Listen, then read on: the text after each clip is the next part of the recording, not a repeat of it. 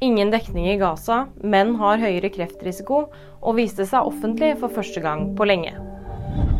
Internett- og telefondekningen er nede igjen i Gaza. Det skriver nyhetsbyrået Reuters. Dette skal skyldes at den internasjonale tilgangen til Gazastripen er blitt frakoblet på nytt. Menn har høyere kreftrisiko enn kvinner. De har 30 høyere risiko for å få kreft, og 43 høyere risiko for å dø av kreft, viser utregninger fra Kreftregisteret. Kreftforeningen sier til NTB at deres viktigste budskap er at menn må komme seg tidligere til lege ved symptomer.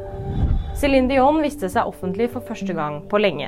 Artisten dukket opp på en ishockeykamp i Las Vegas nylig. Dion har hatt en lang pause fra rampelyset etter at det ble kjent at hun har en sjelden nervesykdom. Og nyheter det finner du alltid på VG.